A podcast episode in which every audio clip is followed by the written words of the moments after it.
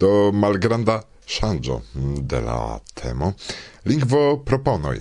Do mi havas nur unu veran lingvo proponon, kiu estas la riismo. Ke mi pensas ke tiu lingvo propono estas multe pli socia ideo ol lingvo propono. Pri Esperanto mi ne estas proponema pri la lingvo mem, sed gravas, gravegas al mi Mi simple shategas la ideon che iam tiu homaro cesos dividi la homaron en du categorioin, la inuloi kai la malinuloi, por paroli lao la fundamenta esperanto. Do jen kial mi shategas la ideon pri riismo, la ideo estas uzi pronomon kiu anstatauas la pronomojn li kaj ŝi. Tiu pronomo estas ri, kiu estas neutrala, tut simple, kiu estas nek nek ina nek malina kai ankaŭ venas kun tiu ideo la alia ideo ke ĉiuj radikoj de Esperanto estu genre neutralaj kaj ankaŭ ke oni uzu du postafiksojn in kai ich kiam oni vere bezonas precizigi la sexon, la generon de iu, char existas du generoi ien ciu. Do temas pri equilibrigo de la sociai generoi, Tamen mi tute ne contrauas alian ideon ki iu havas exacte la saman celon ki iu estas simple ne enconduci novan pronomon kiel ri, sed usi la pronomon gi por ciu, por ajoi cae homoi, sen depende de la genero. Tion mi shatas ancao, cae gi pli respectas la fundamenton de Esperanto, okay? mi ne estas aparte respectema de tiu fundamento, sed mi comprenas che tio gravas al quelcae homoi, cae versaine oni povas tiel fari, cae tio funccias. Crom tio, yes, mi ancao vercis canzonon cun uh, eh, la vorteto na, Mi ne estas naisto, sed mi ne contrauas. Foie mi opinias gin tre utila, sed estas suffice malofte. Do, lau mi la grammatico de Esperanto jam bone funkcias tiel. Tamen mi ŝatas tiun ideon, ce fechar mi havas amikon, kiu nomigas Marteno Minich, kiu estas la plej aktiva naisto en la, en la mondo kai tiu carulo tiom multe parolis ardcore parolis pri tiunna che mi estis cortuscita de tiu propono. Kai mi iam simple iam mi, mi desiris esperantigi canzonon kiu vere mine clarigos tion nun char estas iom malsimpla kaj technica afero sed tiu franca canzono ne estis esperantigebla sen usi la vorteton na. Do mi pensis, yes, mi faru tion, iom scherze, estis scherzo, mi desiris tion fari scherze. Crom tio mi ne havas lingvo proponoin, au eble mi forgesis ion sed nien. Oni diras che ju pli agia des pli sagia. Ciu, ciu grandezzo de via chapelo iel shangigis, pli grandigis? Ciam mi electis tiun chapelon, giam estis tro malgranda por mi. Cai gi ancora ne shangigis. Uh, eh, mi pensis che estas kiel shuoi che la tempo gi pli largigas kai mi malkovris ke ne, tute ne, vere ne. Sed la coloro changigis gi ne plu estas tiel bele blua, kiam mi accetis gin. Do eble baldau mi changos gin, kai mi profitos la occasion shangi la coloron por ancau shangi la grandezza Se mi bone memoras vian logejon, eh, vi povas en gin de la cefa strato, fakte tra la fenestro, apud kiu trovigas la pianai clavaro e la musica apparataro. Do kaŝita malantaŭ la fenestro, per kiu vi vidas homojn promenanta in la strato, ludas vi casce au malfermas fenestron, che homoi auscultu vian musicon? Yes. Mi ec memoras, che mi electis tiun logeion por tio. mi logias en la quartalo Montmartre en Parizo, kiu estas la quartalo de artistoi, ciai artistoi, historie. Nun gi multe pli estas la quartalo de turistoi, sed daure estas eh, uh, multai artistoi, kai yes, mi shatas Mi ne plu tiom ofte faras tion, sed foie, somere, mi malfermas la fenestron kai pian ludas kai homo amasiĝas ce la fenestro kai se mi lasas uion ce la bordo de la fenestro mi povas tiel gaini monon ke suffice multan facte mi memoras ke iam mi, mi calculis che mi povas gaini 30 euroin dum unu horo. esas multe, ciune? La turisto en tiu quartalo estas simple ricciuloi kies poŝoj plen plenas je mono kai il bezonas meti tiun monon ien.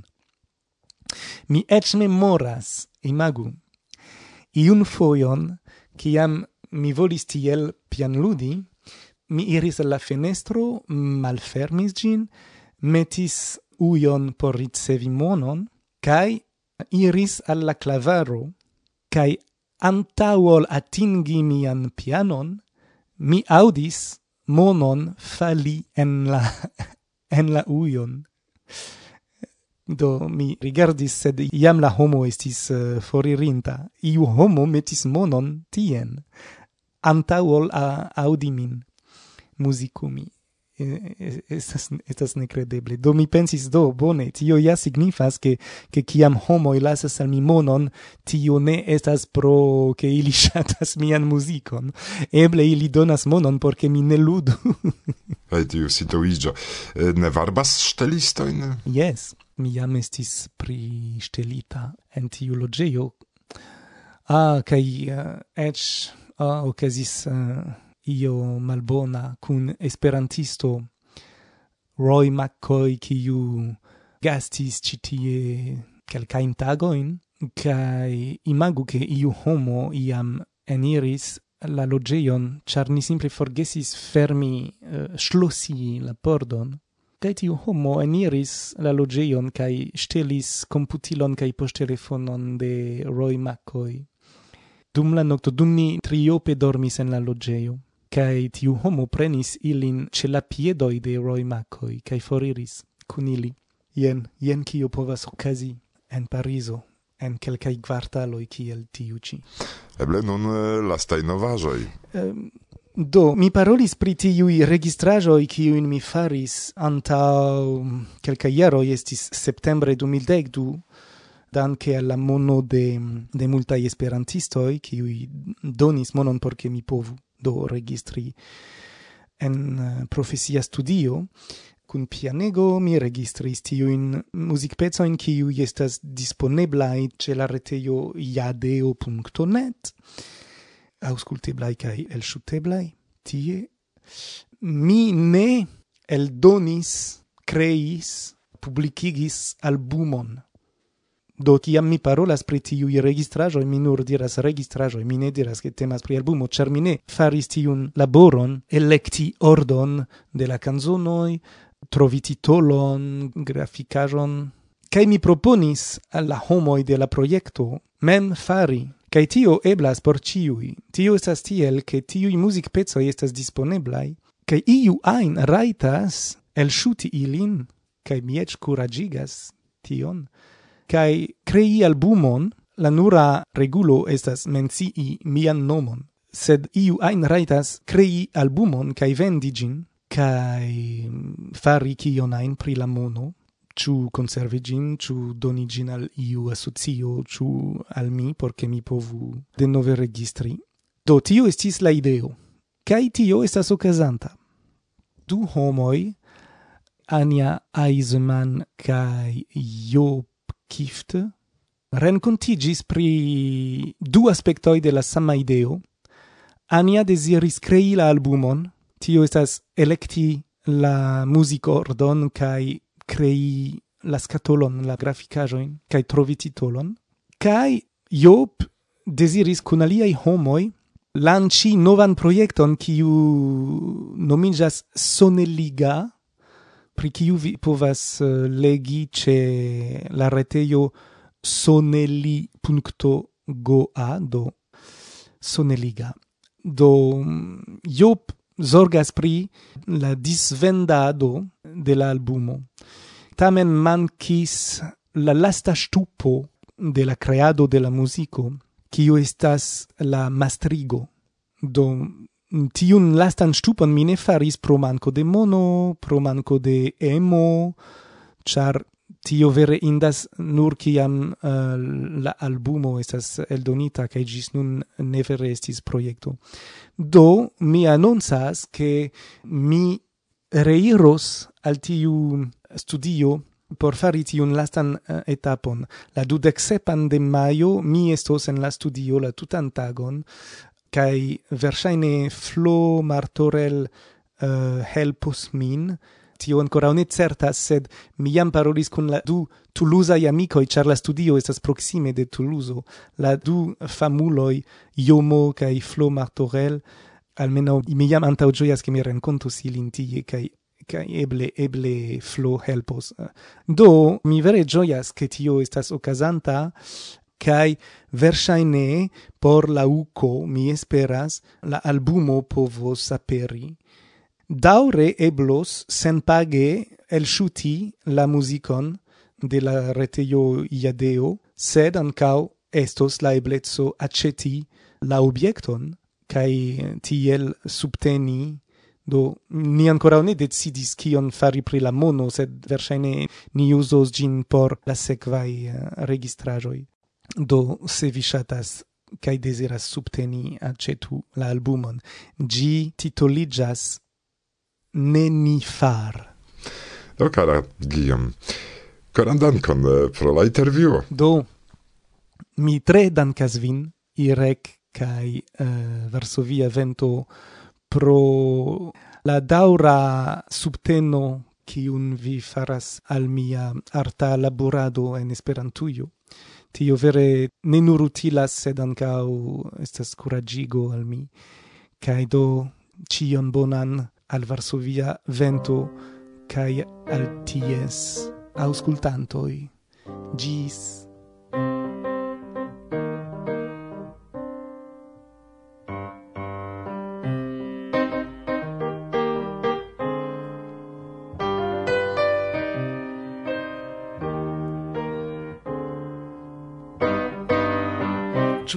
siam meien Ciam con ciu cae cium da foioi.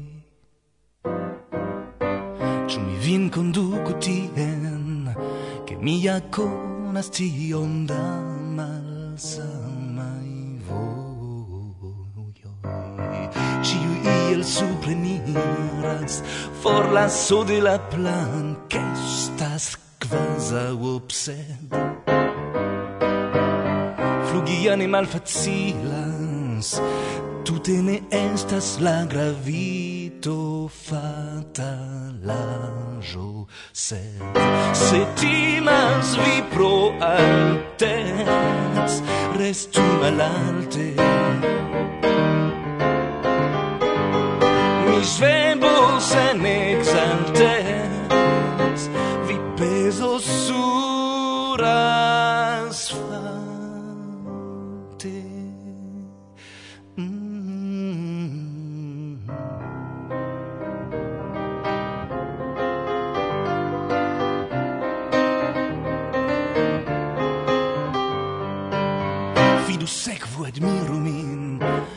kai foriros per mi miaj respondaj sentoj La pesiga pezigaj dubo kaj tim Kiuj malsuprenigas nin de la tegmento Vidi la mondon de supre dono splita mal pesemo Al la pied al flugemo en sultre Kaj ni ciam alproksimiĝados la sunon Sed se timas vi pro altez Restu malalte. Mi svebos en exaltez Vi peso sur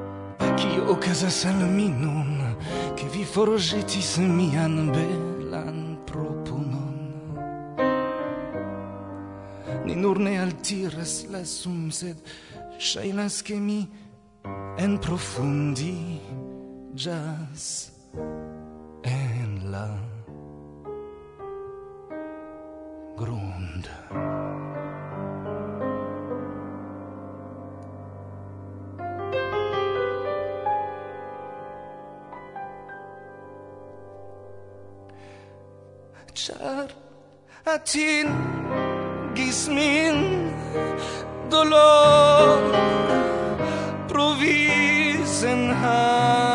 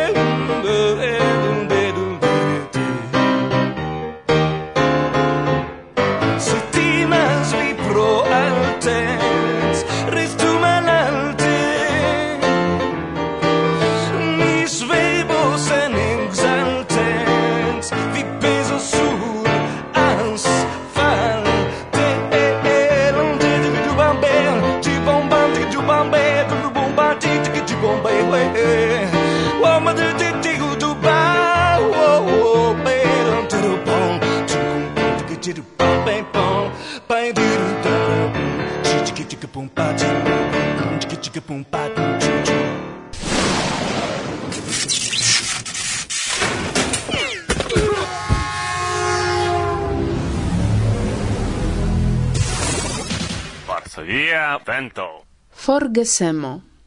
Conata cae clara esprimo. Ciu el ni rencontas gin ciu tage. Sed ciu valoras paroli pri tio dum la somero? Hm. Bona demando. Cer eble pli bonus paroli pri la somerai voyagioi, aventuroi, festoi, au pri la esperantistai eventoi ol pri tio. Unue fakte tiun intenson mi havis. Paroli pri sekureco dum la somerai voyagioi. do pri io utila kai praktika sed rapide mi forgetis la ideon el mia capo. Char laborinte kun Irek en nia provizora studio de Varsovia vento, subite mi constatis ke io al mi mancas. Io? Hm, au eble iui. La microfonoi, auscultiloi, cae computiloi, estas kiel estis. Ancau seĝoj trovigas en la samai locoi, Tamen, kie estas tiui qui ancora antau nelonge sur ili sitis? Ne, ne, ne, sendube ili plu vivas, sed iel dum la tempo dauro mal aperis. Kiel gerda? Monato post monato, et ciaro post iaro, mi comencis rimarki che existas spezo de homoi, cioi sen speciala invito ciu messaggia au telefona mem ne capablas trovi penson pri rencontigio. Forgeso?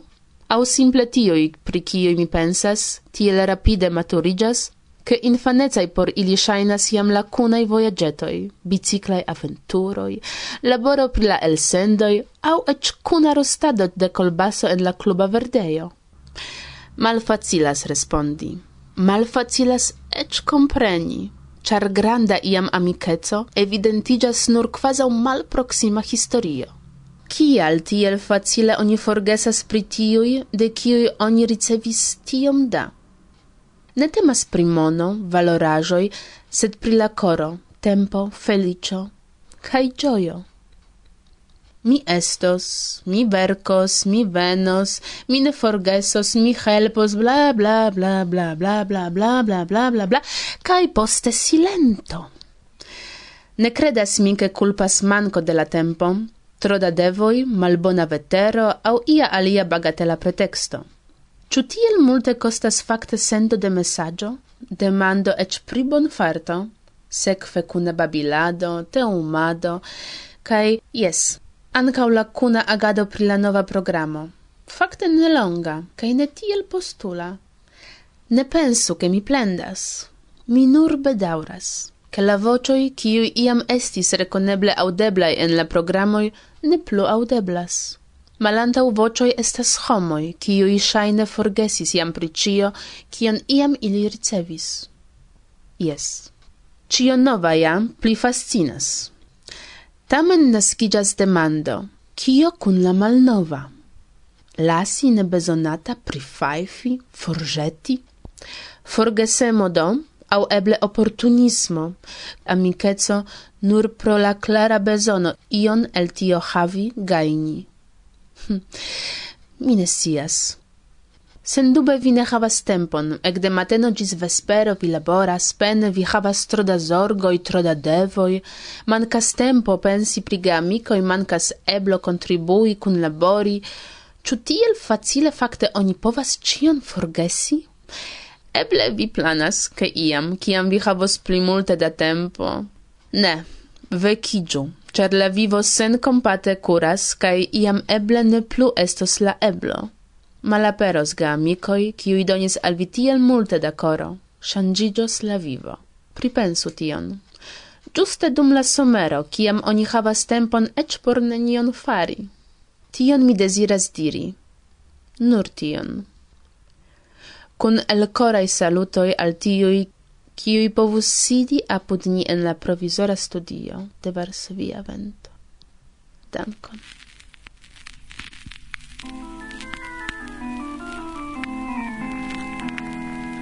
Kiui homoi estas tenaske liberoi kai egalai lau digno kai raitoi. Chile, poseer atracción, cae consciención, cae debus conduci? Uno al alia spirito de protección. Ciu havas la raitoi, je vivo, libere cae perso.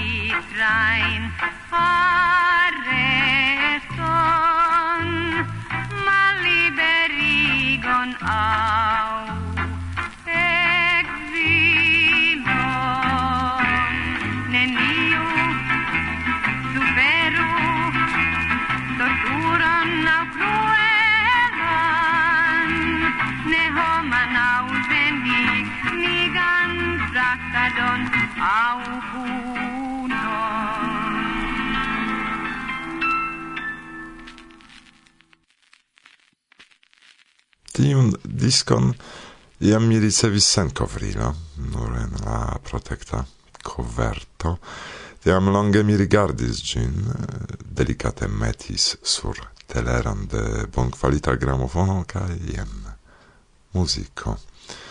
Musico gis non ancora ne conata al mi, tute.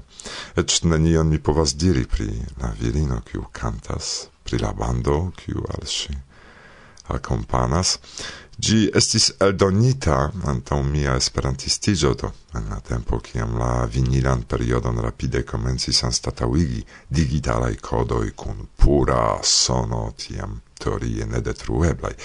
Strange, ke nun tiel malfacilas esplori kiu havis la idean registri cin? kiu verkis au almenau esperantigis la tekston, kiu cere?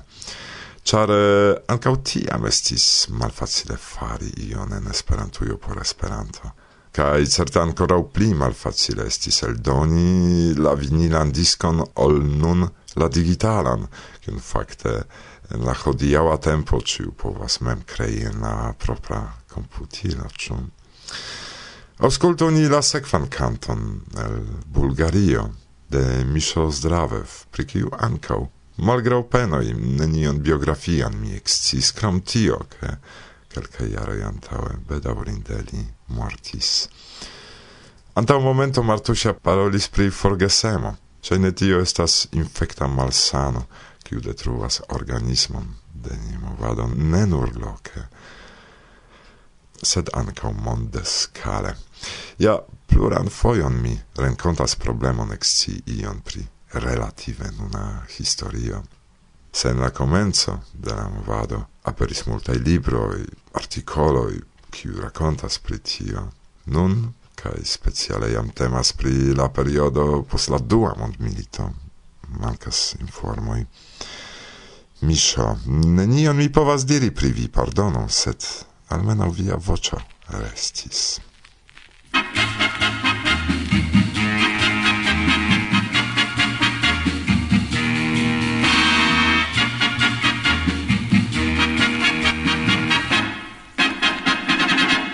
la betul sonores Apolilio e floras stia simila paradiso Estas en Bulgara land. Min rencontas tropotamo Per caressa varma amo. Stia simila paradiso Estas en Bulgara land. Ахропотамо, ахропотамо, равіте клустра з чиєї п'єчі. Ахропотамо, ахропотамо, секрету інвія і рубі. Ай-яй, ай-яй-яй-яй, ахропотамо, ахропотамо, секрету інвія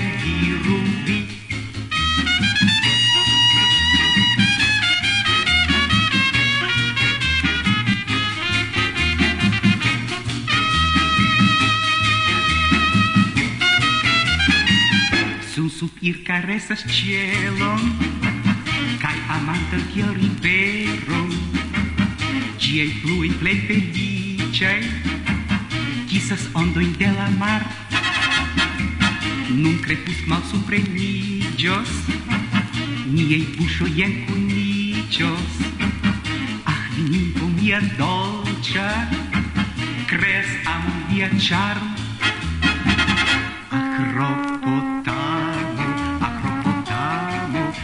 li flustras ciui tie ci Acropotamo, Acropotamo Secreto in via e di rubi Ai, ai, ai, ai, ai, ai, ai Acropotamo, Acropotamo Secreto in via e di rubi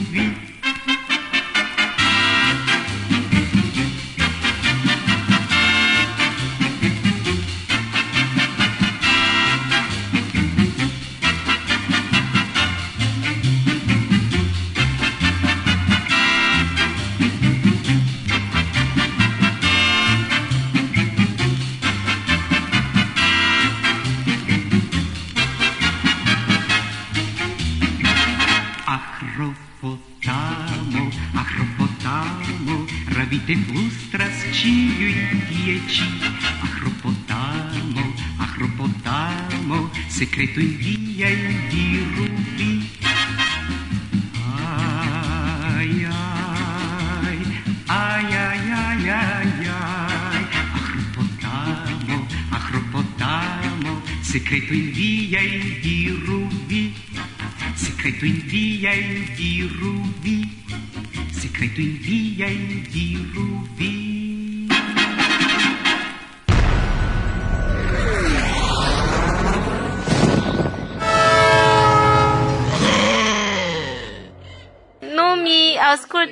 escuta-se o programa programon Varsovia Vento. Bla bla bla.